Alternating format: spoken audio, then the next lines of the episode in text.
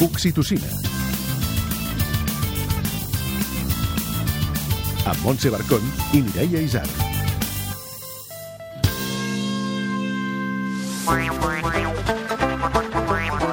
Avui farem una excepció i ens posarem serioses, que de tant en tant també fa falta. Segons dades de l'IDESCAT, a Catalunya cada any se separen entre 17.000 i 18.000 parelles des del 2013. Si un trencament ja és un moment delicat i dolorós per definició, encara ho és més si el matrimoni tenia fills en comú. Avui amb l'Alexandra Mariner parlarem de les millors pautes per ajudar les criatures a entendre i superar aquest canvi en la vida familiar. Li preguntarem a l'actor Eduard Farelo com fa de pare atenció dels seus cinc fills. Cinc! El Xavi Cazorla ens portarà un nou Maconi, les Mamaproof plans pel cap de setmana i l'Elisabet Pedrosa les lliçons de l'ofici d'educar. Però a més a més, avui torna Trinitat Gilbert amb trucs per esmorzar de manera sana i bona. Tot això avui a l'Oxitocina!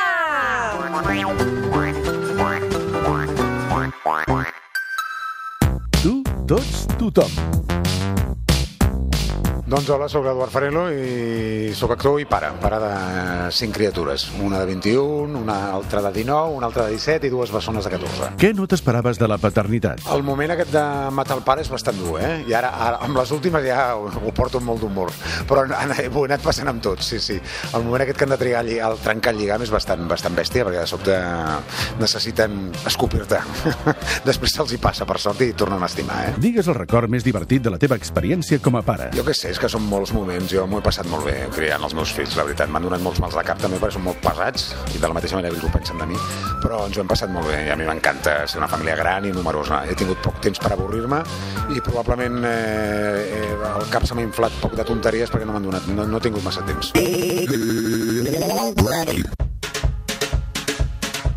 Manual d'instruccions.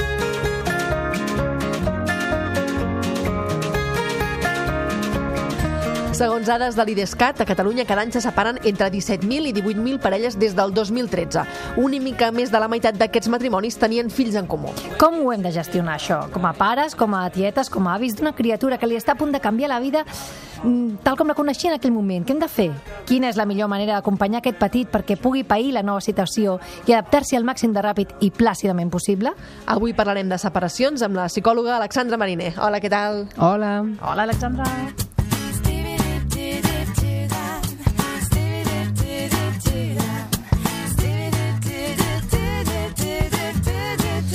A veure, les estadístiques diuen que les xifres de parelles que se separen estan força estancades des de fa uns 5 anys, però, no sé, fa la sensació que, que n'hi ha moltes de separacions. És, és una consulta habitual, a la teva consulta, valgui la redundància? Se'n parla, se'n parla, sí, sobretot amb nanos més petitons, no? I després un altre cop quan hi ha les adolescències, sí. Ah, són els dos moments crítics. Són situacions una mica crítiques, sí. Uh -huh. Si una parella veu que ja no té solució, ha de prendre sempre mesures. Hi ha molta gent que aguanta pensant que allò és un bé pels nens, aguantar. No, és que no ens discutim. Mm. Mira, som com companys de pis. Això és positiu o és negatiu per, pels petits? A veure, aquí segurament el que està arrossegant la situació és la culpa, no? I és aquest sentiment de no fer mal, no? Però jo a mi em sembla que separar-se és un dret, no? Que té una persona, ha arribat un moment en què no és feliç, no? I crec que ho hem de desvincular de la paraula fracàs o de la paraula culpa, no? Tothom eh, és una decisió legítima que es pot prendre en un moment del teu cicle vital si no ets feliç amb la parella fins a aquell moment, no? Pels nens, jo s'ha parlat molt de que als nens els hi afavoreix un ambient emocional estable i un ambient emocional eh, més aviat eh, positiu, enriquidor, uh -huh. clar, una parella que està desgastada, una parella que no té il·lusions i que no se sent eh, a gust, no sé fins a quin punt no, pot eh, continuar amb aquest projecte d'ambient emocional estable i de positiu. No? Llavors, eh, digues, Mireia. No, i fins i tot potser eh, per molt que no hi hagi discussions, és a dir, que, que, que s'han desenamorat, i, però, però no hi ha unes baralles constants, però clar, el model de parella que li estàs ensenyant a aquelles criatures potser tampoc és el model de parella que, que vols explicar als teus fills, no? que allò és l'amor. Mm. I després la relació amb tu mateix, no? Això és el que vull per mi mateix, no? Absència d'afecte, en tot cas, en, en tot moment. A mi em sembla que els fills el que volen és veure'ns feliços, no? Amb les nostres vides i veure'ns que lluitem per uns somnis, per unes il·lusions i que sigui en parella, sigui sense, sigui on sigui, però que estem a gust amb nosaltres mateixos, perquè és el gran repte, que ells aprenguin també a estar amb ells mateixos i a estar a gust amb ells mateixos, no? I ells s'adapten, no? I ells s'adapten, correcte. Hi ha maneres d'afavorir que s'adaptin, hi ha maneres de fer que encara ho tinguin més difícil, però en general i les edats que nosaltres ens incumbeixen són, són molt plàstics. El que no s'adapten és a malviure, això segur que no.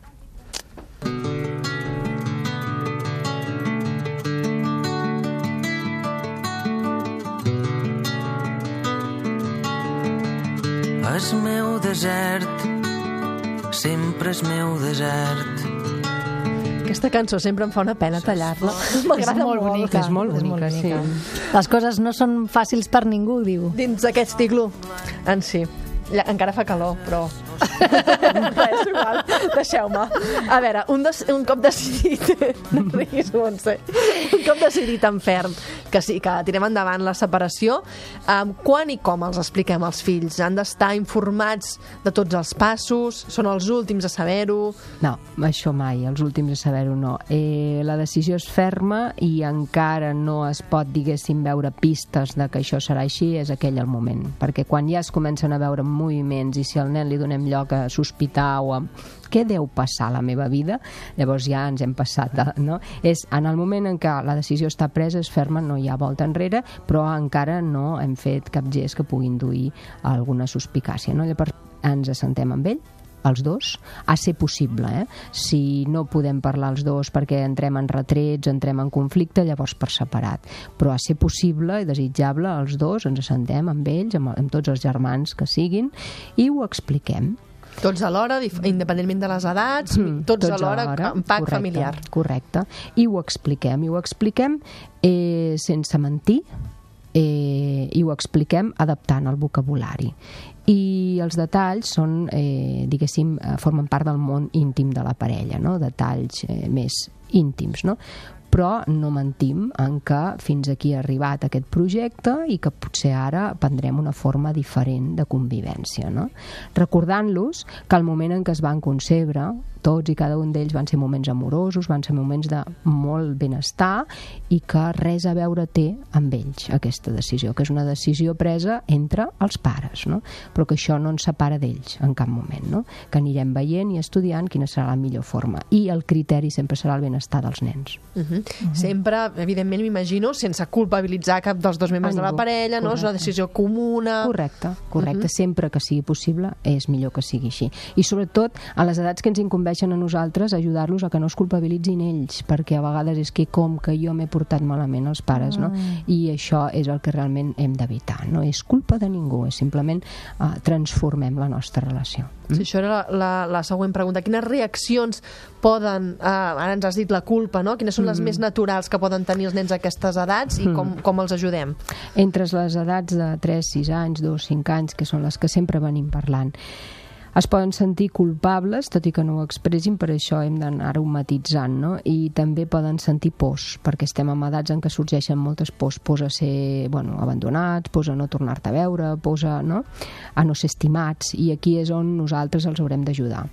Quan els hi hem parlat, no, després els hi preguntem què has entès, com ho has entès tu això, no? poden parlar, poden no parlar i segurament aniran volent traient el tema, no? perquè van digerint conforme passa el temps, no? conforme comencin a veure les seves habitacions, aniran traient temes. No? Podem donar-nos suport amb comptes, podem dibuixar amb ells, tipus de família, com és la família, per donar lloc a aquestes preguntes que ell possiblement o ella anirà fent. No? I aquí anar-los ajudant a resoldre no? com ha sigut, què ha passat, anar-los muntant aquesta història. Sobretot perquè veig molts nens que els hi falta una peça del puzzle, no? I arriben pues, amb diferents símptomes i amb edats ja potser fa 5, 10 anys, no? Que els...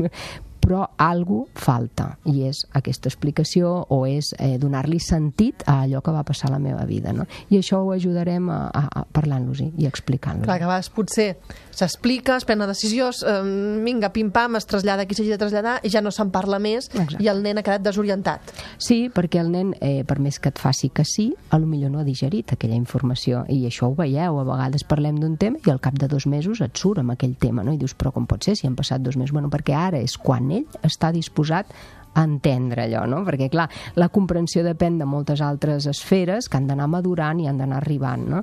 Per tant, no és d'estranyar que un nen al cap de 4 o 6 mesos després de que els seus pares s'hagin separat, tingui dubtes, tingui preguntes, tingui coses a dir. I aquí el millor també és observar-lo i escoltar-lo, no? Tot això en el, en el millor dels casos, que tot hagi sigut plàcid, que més o menys som dues persones raonables, però hi ha moltes separacions eh, molt bèsties on hi ha molta ràbia per part d'un o dels dos membres de la parella. Què els hi podíem dir a aquestes parelles? Què els hi podem dir? Els hi podem dir que pensem que en tot moment els nens aprenen a gestionar les emocions tal i com veuen que nosaltres ho fem i que, clar, eh, potser no és la millor persona a abocar tot aquest component no? eh, emocional que no va amb ell, no? que al final ell és, diguéssim, una personeta que, que va néixer del nostre parella però de que en aquest moment no té capacitat de poder contenir tot aquest contingut no? emocional i llavors hem de buscar altres recursos no? hem de buscar altres recursos i respectar molt eh, el que és la seva immaduresa no? la, la, la infància d'aquesta criatura perquè quan els fem créixer massa ràpids abocant aquest tipus de contingut després ens trobem amb això que dèiem abans falten peces i falten eh, escales que hem hagut de pujar de dos en dos i això passa factura Sun rays come down as seen when they hit the ground. Children spinning around. Un cop ja tothom està informat, quan fem efectiva la separació física, el trasllat eh, de seguida, eh, donem un temps de marge perquè les coses paeixin, Depèn de la criatura i depèn de, com, eh, de com nosaltres hàgim muntat aquest, eh, aquests passos, no? Però sempre que hi ha un altre pis, que hi ha un altre espai, portar-los a que ho vegin. Jo sempre dic que aconsello que aquest nou espai doncs, també hi hagi alguna cosa no? del seu gust, feta per ell, no? feta per O- o aquesta triada criatura, fins i tot, escollida per ell, correctament. eh, els impliquem en aquest nou espai i, i lògicament han de tenir i fer-se el seu, no? Uh -huh. um, suposo que de custòdies n'hi ha moltes, uh, no sé si n'hi ha algun tipus que sigui més recomanable o cada parella és un món, Aquí cada parella és un món. uh No? -huh. i això d'una casa fixa pels nens i que els pares vagin i vinguin, o una casa per cada progenitor i que siguin els nens els que es moguin, això també és cada família ha de trobar el seu encaix? Jo diria eh, la mesura en què els pares puguin eh, ser abans feliços i restablir les seves vides serà la mesura també més adequada, no? perquè els fills el que volen és que al final estiguis estable, que estiguis tranquil i que puguis dedicar-li temps de qualitat. No? no sé quina és la forma més adequada, perquè això dependrà de la casuística, però sí que sé que al final el que hem de mirar és que el nano estigui el millor possible i el nano hi estarà en tant en quant nosaltres ens recuperem abans. I és recomanable per sistema, quan hi ha hagut una separació, que un nen vagi almenys un cop a una consulta d'un especialista per veure com ho està entomant o, o no cal? Si tu veus que el teu nen va fent i tot, eh, No té per què. no té per què. Eh, el que és important és que l'observem. El que és important és que l'observem i que no ho convertim en un tabú i que pintem i que en parlem amb ell, no? I que, que ho dibuixem i que ho escenifiquem i que ens I ho preguntem. Exacte, sempre que ell pregunti, escoltar-lo, no? No tenim per què tenir la resposta correcta i perfecta perquè no existeix, sinó la nostra opinió, no? I acollir-lo. Però jo crec que l'important sobretot és observar com ho encaixa i com ho viu. No té per què ser complicat, no? A vegades es pot complicar, però no sempre, no? Si veiem que amb el temps el nano no en parla, el nano comencem a veure, doncs això pos, comencem a veure despertars a la nit, comencem a veure coses que ens comencen a preocupar i que no són habituals amb ell, tot i que estiguem en un període de transició, bueno, podem preguntar no, a un professional, però de moment no té per què ser problemàtic. Doncs moltes gràcies, Alexandra. Moltes gràcies un altre cop pels teus consells, la teva calma. Gràcies a ai, sí. vosaltres. Mine, of mine, of mine. La Coni. Està molt bé parlar de com s'afronta amb els nens això de divorciar-se. De fet, és molt necessari, sí. Però potser ho és més, i no m'agradaria fer d'advocat del diable separat, recordar que potser té avantatge separar-se amb la parella. Que és egoista dir això i no pensar en els fills? Absolutament. Així que ara repassarem motius pels quals val la pena divorciar-se. Bé, tot des del supòsit que la teva parella acabes prou bé com per repartir-vos amb responsabilitat la tutela dels vostres fills, eh? tal i com s'hauria de ser sempre. Dit això, anem als motius per poder celebrar i fomentar un divorci. Hi ha diversos arguments, però crec que només amb el primer ja compensa. 1. Tornaràs a dormir a les nits. És cert que a partir d'ara les nits les passaràs sol o sola plorant per haver-te separat, però bé que abans ploraves perquè el teu fill no et deixava dormir. Vull dir que almenys ara ploraràs, però dormiràs 8 hores. Això mola. Sí, una mica, sí. 2. Tornaràs a tenir vida pròpia. És cert que no tindràs parella per gaudir d'aquesta vida pròpia, però escolta, que tindràs moments de plena tranquil·litat, de relax, per tu, silencis com aquest. Oh, que es troba a faltar quan ets pare, aquests silencis. I, per exemple, doncs jo què sé, podràs fer mil coses, com relaxar-te tranquil·lament i consultar tots els títols disponibles i recomanats a Netflix per mirar sèries i pel·lícules. 3. Durant els dies que no tinguis el teu fill a les mans, doncs et deixaran de fer olor de crema de cul, olor de caca, olor de xutxe, olor de tovalloleta... Saps el que és això? 4. El teu smartphone tornarà a ser teu durant uns dies, almenys. Pots gaudir doncs, de mirar les teves fotos, els teus vídeos, les teves aplicacions amb total tranquil·litat, sense haver de patir perquè els teus fills et facin likes a qui no toca o vagin fent trucades a contactes de l'agenda així a lo loco, o encara pitjor, videotrucades, eh? que vés a saber després què enfoquen i a qui truquen. Brr!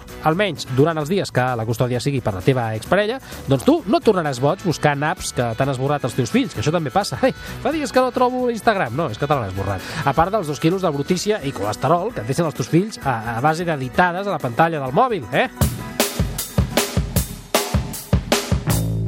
5. Pots sortir de festa un dia i prendre algo, o, o, o molts algo, sí, eh, et sentiràs com un desgraciat, perquè tu ara estàs separat i tots els teus amics estaran casats o amb fills, i sí, et sentiràs com un tiet solter de 70 anys en una sala de ball d'aquestes per gent gran, però podràs allargar la nit sense haver de pensar en la bufetada en forma de ploramenta boja de nen que t'espera l'endemà, amb ressaca. 6. Pots abandonar-te una mica, o molt, perquè un divorci mereix una mica de pena, eh? això és una cosa que necessitem, pair, i per tant pots desconnectar el cervell i pots deixar de pensar doncs, en què faràs de sopar pels nens, sobretot en què sigui un sopar sa i equilibrat, en què has de comprar verdureta, en què has de comprar fruita. No! Benvinguda a la pizza! 7. I per mi també és dels més importants. Quan vas al vàter, a cagar, pots tornar a mirar el Twitter i l'Instagram tranquil·lament durant dues hores sense que cap nen et molesti picant a la porta o cridant o demanant-te que li deixis mirar un vídeo a YouTube del Baby Shark Mami Shark. Baby shark, do do do do do do, baby I aquestes serien algunes de les raons fonamentals per encarar amb un somriure un divorci quan tens fills i fins i tot mm, buscar-lo una miqueta, eh? Ara, hi ha un petit punt en contra, també. Que tot el que he enumerat abans ho patiràs tu i per partida doble perquè estaràs sol els dies o setmanes que toqui la custòdia dels teus fills, eh? Bé, després hi ha una cosa menor i és que tampoc podràs rebre per sorpresa una abraçada del teu fill o un petó gegant ple de paves i amb alè de peix arrebossat quan menys tu esperis, aquelles petites coses que sí, et deixen els núvols i sí, t'alegren el dia i sí, t'enamoren tota la vida, però... però... Bueno, que cadascú valori.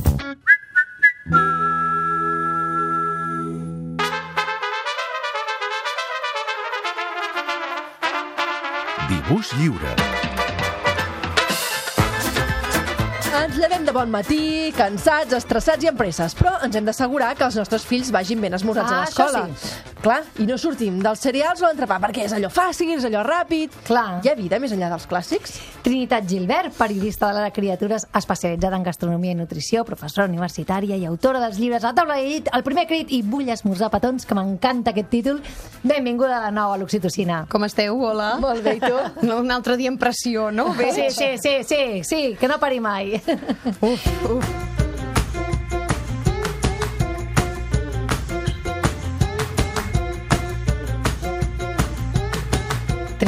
Va, il·lumina'ns amb els esmorzars, en sèrio, de- és un mal de cap, això. Sí que ho és, però partim del que fem malament i després anirem Va. Dient el que haurien de fer bé. El que jo que crec que fem malament en general eh, és que pensem en esmorzars com si fossin postres ensucrades, elaboracions ensucrades. Estem menjant postres, que, eh, postres per esmorzar. I, I oi que les postres només les fem després de dinar i el pastís el fem de tant en tant els diumenges al tortellet? Sí. Per què en mengem coses ensucrades? Per què en mengem cereals ensucrats que no aporten res? Que és el que els estem fent mm, per esmorzar i això és el que estem fent malament. I penseu que això passa a Occident. Uh, uh, hi ha molts països del món que ho estan fent superbé i que no han canviat la seva forma d'esmorzar tradicional. Nosaltres I aquí ho fa hem uns canviat. anys també ho hauríem fer I bé, aquí també ho feien bé, i a pagès es feia, i segur que encara ho fan, i els que ens escoltin Esmorzar segur que diuen que ho fan bé, que esmorzar de forquilla, la llesca de pa ben torrada amb el tomàquet i l'all, i un tall d'embotit i ben fet i, i ben bo. Clar, això és un esmorzar de veritat. Tot el que no sigui això, i és passar al sucre i cereals de pot que mai no s'havien menjat, això ja anem malament. Penseu que al Japó per esmorzar mengen arròs i soja i no han canviat aquesta forma de- d'esmorzar. A Jamaica mengen farinetes fetes amb plàtan, cacauet, farina de blat de moro. Mm, a Nova Zelanda, és que m'ho he anat preparant, eh? Us m'he preparat aquí tota una llista. A Nova Zelanda, torrades untades amb vegemite, que és una pasta salada, no sé si ho he pronunciat bé, perdó, els de Nova Zelanda, una pasta salada feta amb llevat de cervesa. A la Xina fan unes, unes farinetes d'arròs cobertes amb formatge de soja, carn i ou. Són Toma, plats. Això clar. són esmorzars. Eh? Si continuem buscant encara trobaríem també cereals de gran sencer, és a dir, no els dels paquets de supermercat, que són els reis dels esmorzars, aquí, a casa nostra, a Occident.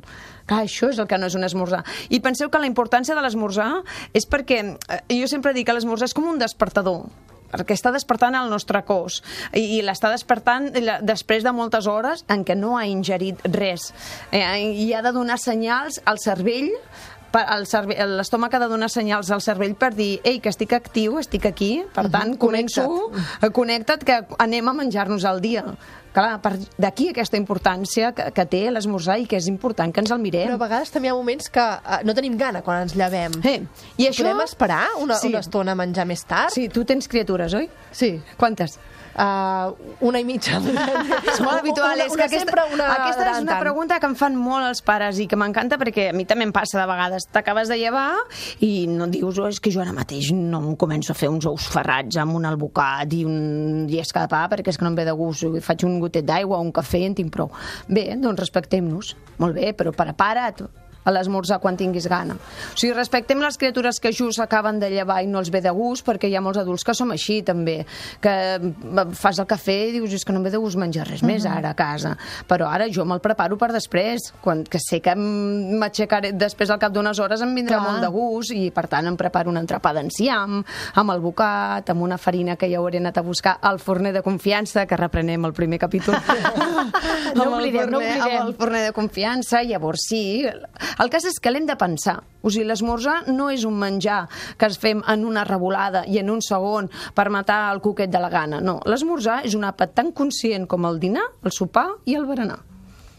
Però la meitat de verdura, Trini, com el poses en un entrepà? La- És que no, no pots mossar un entrepà d'enciam. Sí, jo sí que el menjo, el museu. No, no, no em considero petitona, faig un metre seixanta, tinc una de... No, i soc petitona i me'l menjo. Sí, sí, Però- sí, el faig enciam, però hi ha moltes idees. Jo us he Sí, potser portat... pels nens alguna cosa més, perquè un entrepà d'enciam potser els hi pot costar a l'inici, potser d'aquí uns mesos, Vinga. si estan entrenats, vinga, va. però... Vinga, va, va que jo Va, Trini, totes va. les meves teories.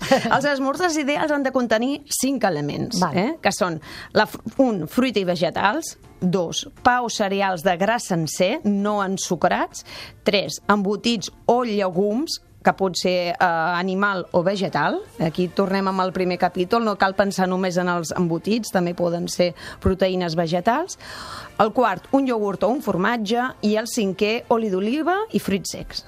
Toma. A- Aquests són els cinc components. Déu-n'hi-do. Aquests cinc components els pots combinar en l'esmorzar d'acabat de llevar i en el del mig matí com tu vulguis. Val. Si tu dius, em llevo i em menjo un iogurt, que em ve molt de gust, o un tros de formatge, doncs vinga, ja en tens una part feta.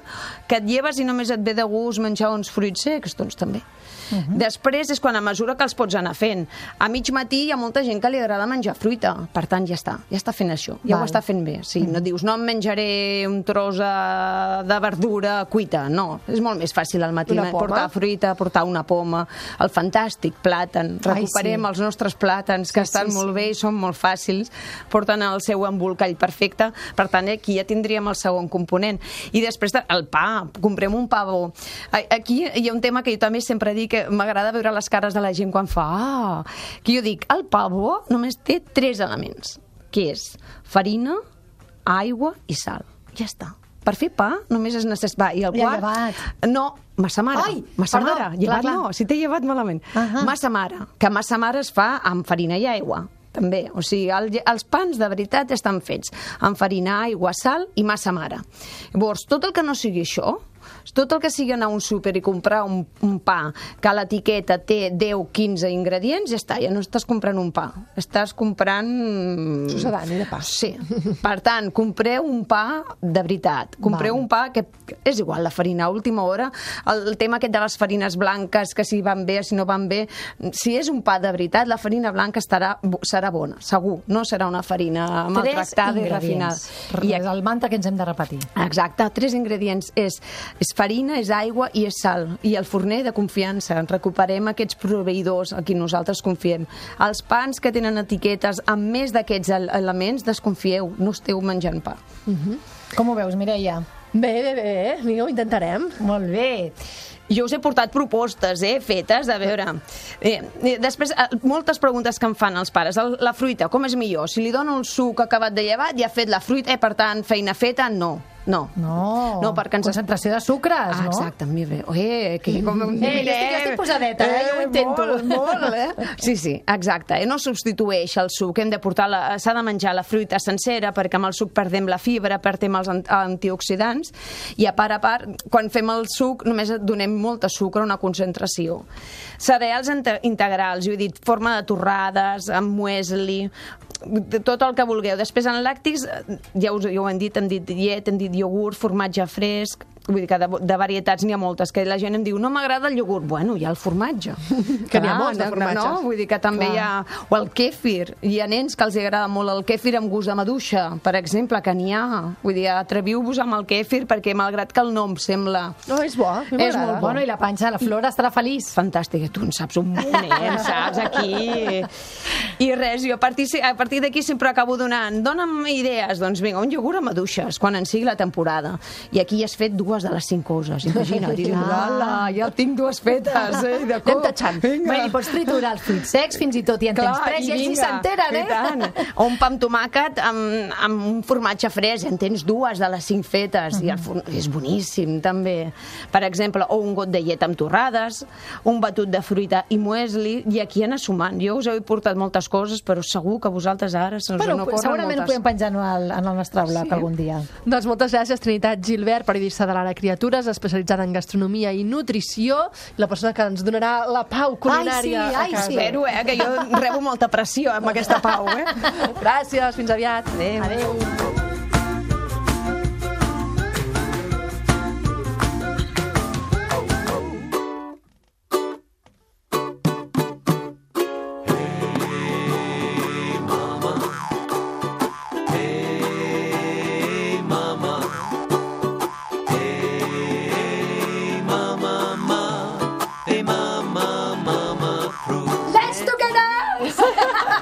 Montse, no el podem deixar suelta. És com una missa al Harlem allà. Oh! Alba, de Mama Proof, benvinguda de nou. Gràcies, gràcies.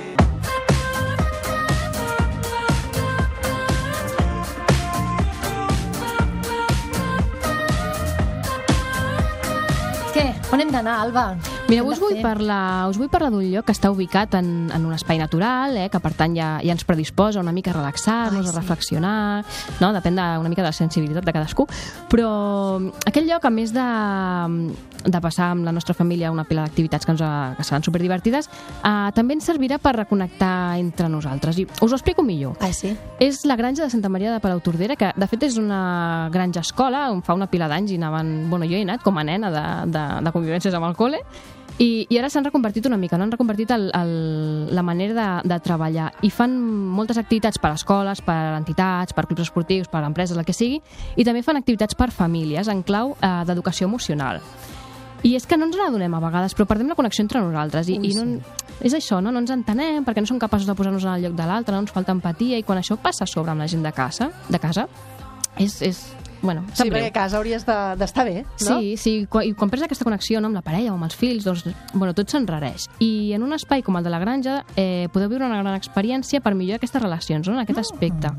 Uh, també per créixer en família, no? no només cal anar quan no estàs bé, també pots anar a gaudir d'una jornada... Com a mètode preventiu. Sí, sí, superxula, no? Per aprendre eines de, bueno, doncs de gestió, no? Els nens també passen moltes etapes, a vegades no sabem massa bé què els hi passa, No si ens ajuden, tampoc, clar. clar, si ens ajuden, doncs sempre, sempre es passa tot millor i, i, i vivim tots més, més tranquils, no? en definitiva.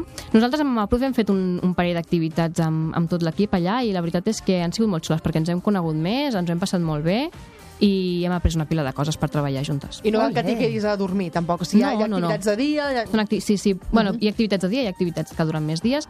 Uh, la veritat és que tenen una oferta molt àmplia, que s'adapta molt a les famílies. Doncs molt interessant. La granja de Santa gràcies, Alba. Maria de Palautordera. Fins la propera. Fins la propera.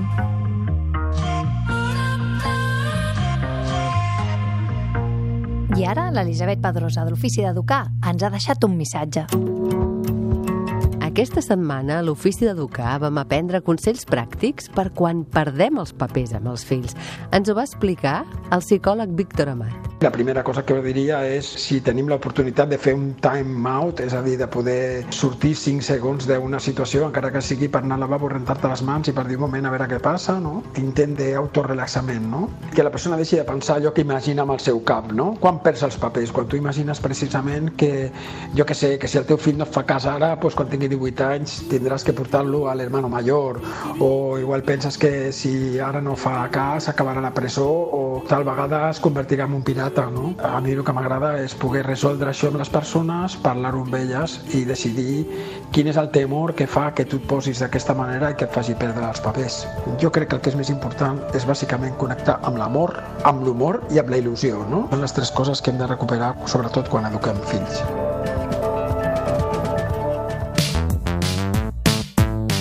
Un consell per acabar. A mi no m'agrada gens donar consells, que no escoltin els consells, aquest és el consell que els donaria.